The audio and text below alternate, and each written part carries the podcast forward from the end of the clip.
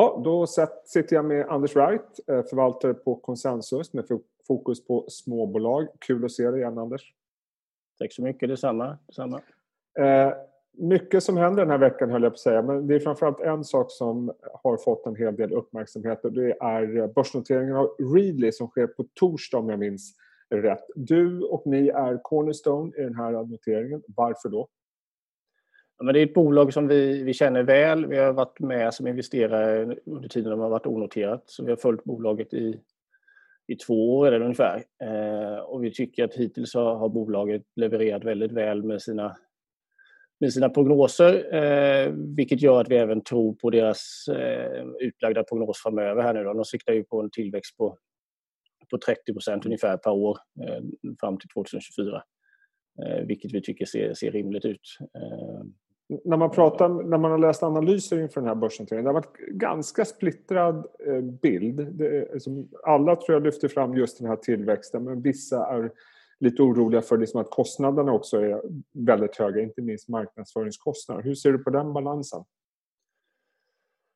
Ja, jo, men alltså det kostar ju såklart att växa där. Sen har det hoppat och fart lite eh, mellan kvartalen på slutet. Så, så fokuserar man på det absolut sista kvartalet så, så satsade de väldigt mycket och fick inte så mycket för det på grund av corona. Då. Eh, de hade väl en jättekampanj på, på flygplatser och tunnelbanor. Det var inte så många som, som såg dem. Eh, utan, men eh, det kommer dröja innan de är lönsamma.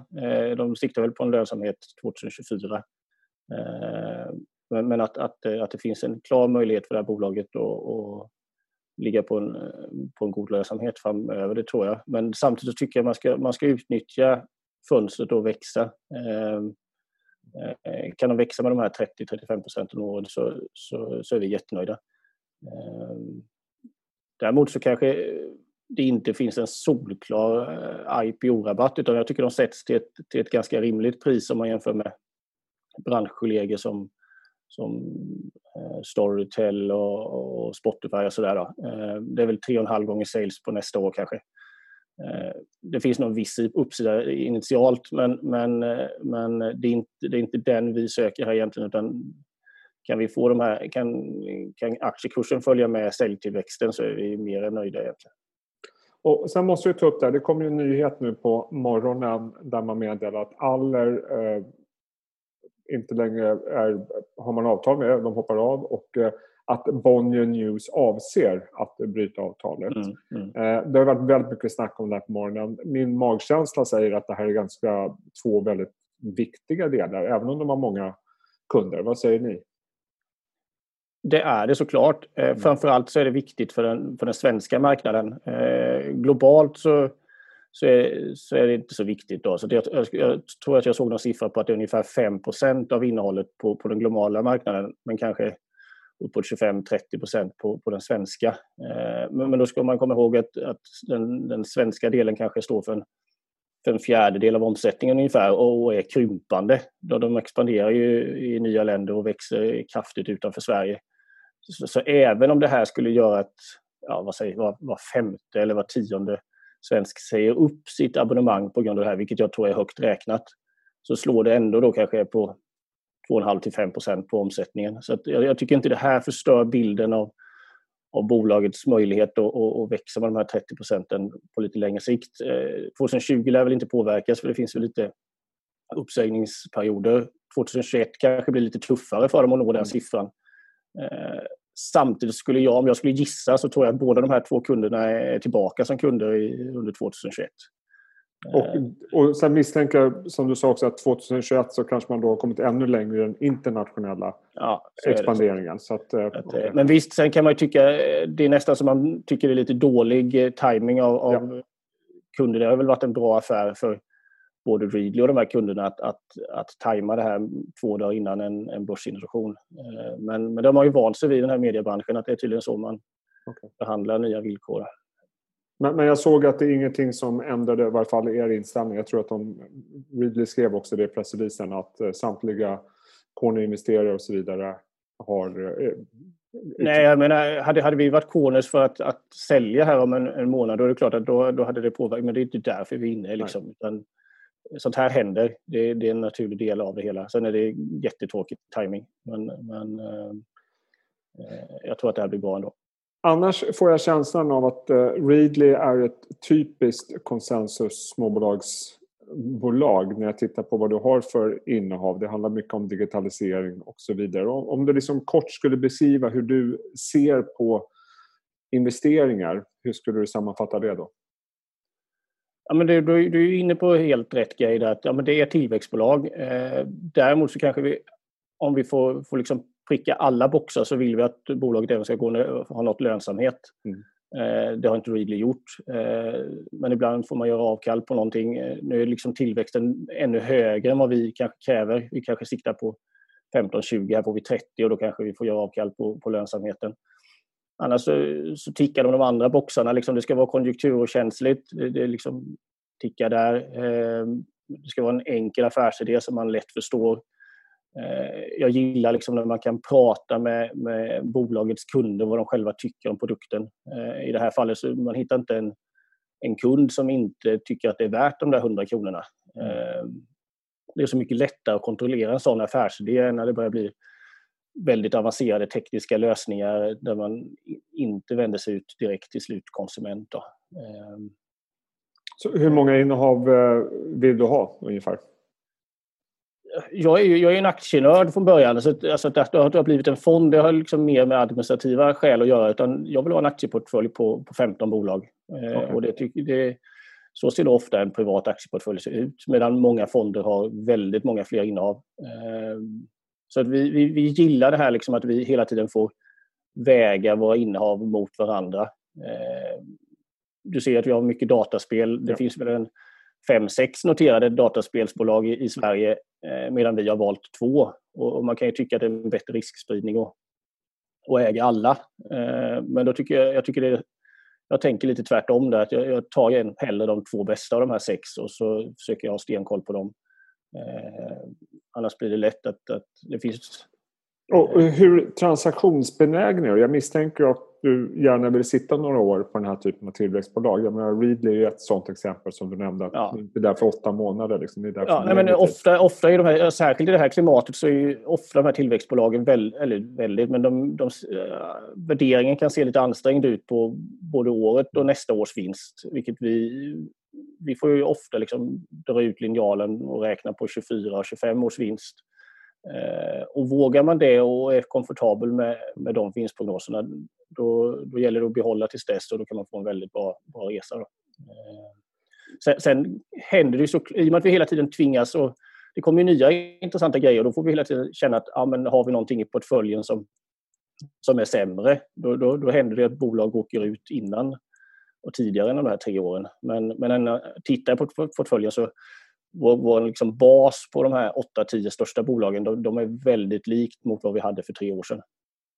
Vi kan titta på några av dem och eh, det är väldigt tydligt att det här är som du säger, det här är tillväxtbolag som har eh, det är mycket digitalisering och eh, du nämnde att det är två spelbolag och det är Embracer och Stillfront. Båda har gått fantastiskt bra på börsen i år och också levererat väldigt starka siffror. Eh, om man börjar med... Alltså, jag vet inte vilken vi ska börja med, men Embracer, om vi börjar där till exempel. Det här är ju mm. ett bolag som växer både organiskt och med förvärv. Eh, hur resonerar du kring det? Så här är det ju ett... Eh, framförallt har vi, som många andra gillar vi Lars Wingefors. Det börjar väl bli lite uttjatat kanske. Men, men, men, svårt att inte göra det. Ja, det är svårt att inte göra det. Och, och, och vi älskar entreprenörsdrivna bolag som av någon anledning har, har hamnat på börsen. Och jag vet inte hur mycket han äger, men det är väl en 30-40 procent av mm. bolaget han fortsatt äger. Så att här har vi liksom tagit rygg på, på en superduktig entreprenör som, som trots att, att jag vet inte vad börsvärdet är, 60 miljarder kanske, tycker att han är en, han, jämför, han säger att ja, men jag är bara en flugskit jämfört med de kinesiska jättarna. Så det, det är inte så att han, han känns ju inte mindre hungrig nu än, än för fyra år sedan när de, Eh, när man började bekanta sig med honom, eh, vilket vi gillar. Eh, sen tycker vi att han har byggt upp en, en koncern som kvartal efter kvartal visar att, att man kan tjäna väldigt mycket pengar eh, oavsett vilket spelsläpp man har haft just då. Man börjar få väldigt många ben att stå på, vilket jag mm jag är inte någon expert på dataspel vilket blir att, att köper man ett bolag som kanske har ett enda spel, ett AAA-spel som man satsar allt på och så slår inte det där. Då, då, då blir det så binärt det är det jag inte gillar. Utan har de väldigt många ben att stå på, det kommer komma spelsläpp som inte blir succéer. Men, men det, det, det tål bolaget. Jag får känslan av att såväl Embracer som Stillfront är nästan spelbranschens motsvarighet till investmentbolagen och sånt där. Båda liksom är väldigt diversifierade eh, diversifierad portfölj inom sina segment. Så är det ju. Sen, sen, finns det såklart en baksida på det också, att, att det blir svårare och svårare att analysera de där bolagen. Ja. Det, det, det, det, är väldigt mycket att hålla reda på och, och många olika ben. Men jag tycker liksom tillväxten kontra värderingen här, så båda de här bolagen kanske värderas kring 20 gånger vinsten på, på nästa år. Eh, det är lätt att klumpa ihop de här i en tech-frossa-värdering, att allting som har med teknik är, är svinhögt värderat. Här, här värderas det ju ungefär som börsen, eller mm. något högre. Eh, och jag tycker liksom det, värder, det förtjänar de väl mer än väl. Liksom. Eh. Och, och Stillfront, där känns det som att liknande strategi men ändå inte eh, på något sätt med Stillfront. För de har ju också den här att de, är, de tar in nya spel och breddar portföljen hela tiden. Mm. Det är väl mer genren då, att, att det är mm. mer mobilspel där. Ehm, och det där bolaget som vi har följt dem så kanske värderingen har gått upp från P10 till P20. Eh, och, och det, så den multipelexpansionen kanske har skett då, men, men P20 tycker jag väl är ganska, ganska rimligt. Eh, kan aktiekursen följa med, med vinstutvecklingen framöver här så, så kommer det kunna bli bra. Eh, nu har de en kapitalmarknadsdag den 22 september, eh, vilket blir jättespännande. De, de satte ju, vid förra kapitalmarknadsdagen satte de ju en målsättning på 4 miljarder 2022 tror jag. Eh, och det når de väl redan, redan nu då. Eh, så det kommer, tror jag, ett, ett, ett nytt finansiellt mål. Ehm, Eh, vad det blir återstår väl att se, men det är, väl, det är väl rimligt att de kanske siktar på 2024 nu istället. Då. Ja, och det är intressant också med de här bolagen tycker jag, det är ju att de har ju fått en boost givetvis av coronapandemin men man glömmer lätt att det här var otroligt starka bolag operationellt redan innan den här pandemin. Så att man, det är lite fel att kalla det corona-case kanske.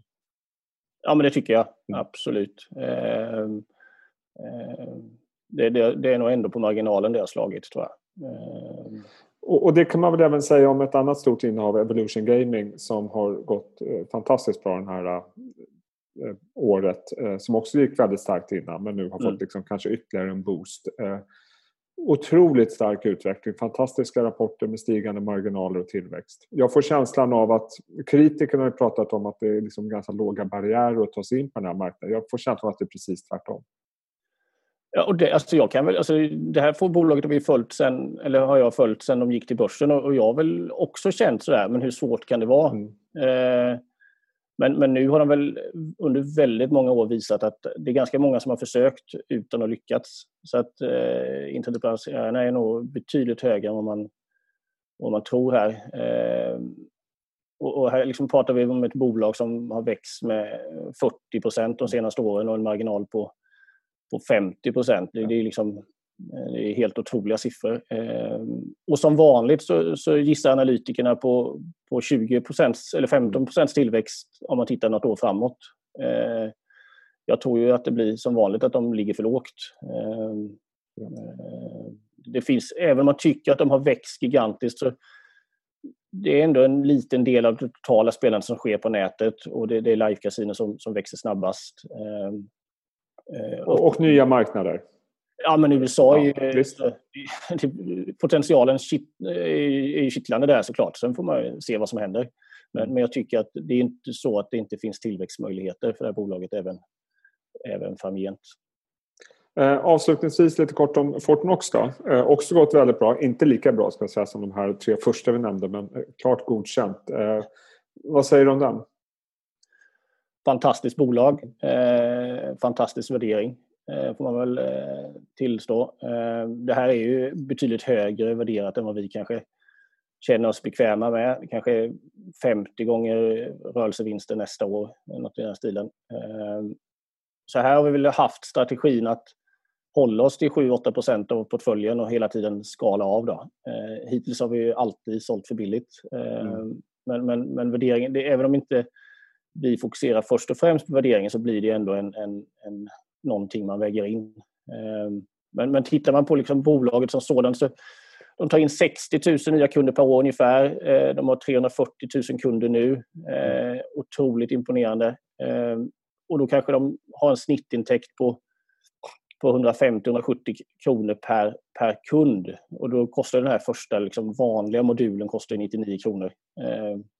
Möjligheten att, att öka intäkten per kund känns det som att den är otroligt stor. Eh, eh, det kom, och det i kombination då med att de växer på kundsidan gör att skissar man på det en, en bit framåt då, då växer de faktiskt in i även den här värderingen. Då. Ehm, alltså bolaget säger själva att de ska kunna behålla den här tillväxten åtminstone fem år, tycker jag. Ja. läste någonstans. Ja. Och tror man på det så då, det, då, då, ska man köpa även på, på dagens nivå, tror jag. Eh, finansdelen ser ju otroligt spännande ut och där har man väl tyckt att det kanske har gått lite, lite långsamt. Nu, nu växte de faktiskt med 40 procent i sista kvartalet year over year. Eh, bara den delen skulle kunna bli lika mycket värt som hela Fortnox idag skulle jag säga. Eh, nu, nu, nu viskas det lite om att nya vdn kanske är ute med, med lite finansiella mål och sådär. Eh, det tror jag skulle vara väldigt spännande att se för marknaden ehm, vad de själva siktar på. Ja, jätteintressant. Och, som sagt, nu har det varit lite techfrossa här och eh, det är en hel del höga värderingar. Vad är det som skulle få dig att säg, lämna något av de här casen. Jag misstänker att även om värdering är viktig att det handlar mer om att någonting händer operationellt, att tillväxten viker ner och sånt där. Hur, hur tänker du? Liksom, hur, kill your darlings, hur går det för dig? Mm, mm. Nej, men alltså, I och med att vi, vi har stora andelar i de bolagen vi gillar, vilket gör ju också att vi, vi har väldigt hårda krav på, på vad vi vill att bolagen ska leverera. Eh, skulle vi se liksom att, att tillväxten skulle gå ner till 5% i Stillfront och Embracer och sådär, då är det klart att då blir läget ett helt annorlunda. Mm. Eh, däremot så länge bolaget levererar, eller de levererar i den takt de gör nu, eh, då kommer inte vi sälja på grund av att det blir en teknikfrossa borta i Nej. USA. Eh, och sen tycker jag det blir, kortsiktigt kommer det absolut slå på de här casen men jämför värderingen på de här med de högst värderade bolagen i USA så, så spelar vi helt olika ligor. Mm. Eh, jag, tycker inte det, jag tycker inte det är dyrt med, med 20 gånger vinsten för ett sånt här bolag. Liksom. Mm. Eh, jättespännande. Anders, eh, kul att prata med dig igen. Jag hoppas vi gör det fler gånger under hösten och eh, lycka till. Ja, tack snälla.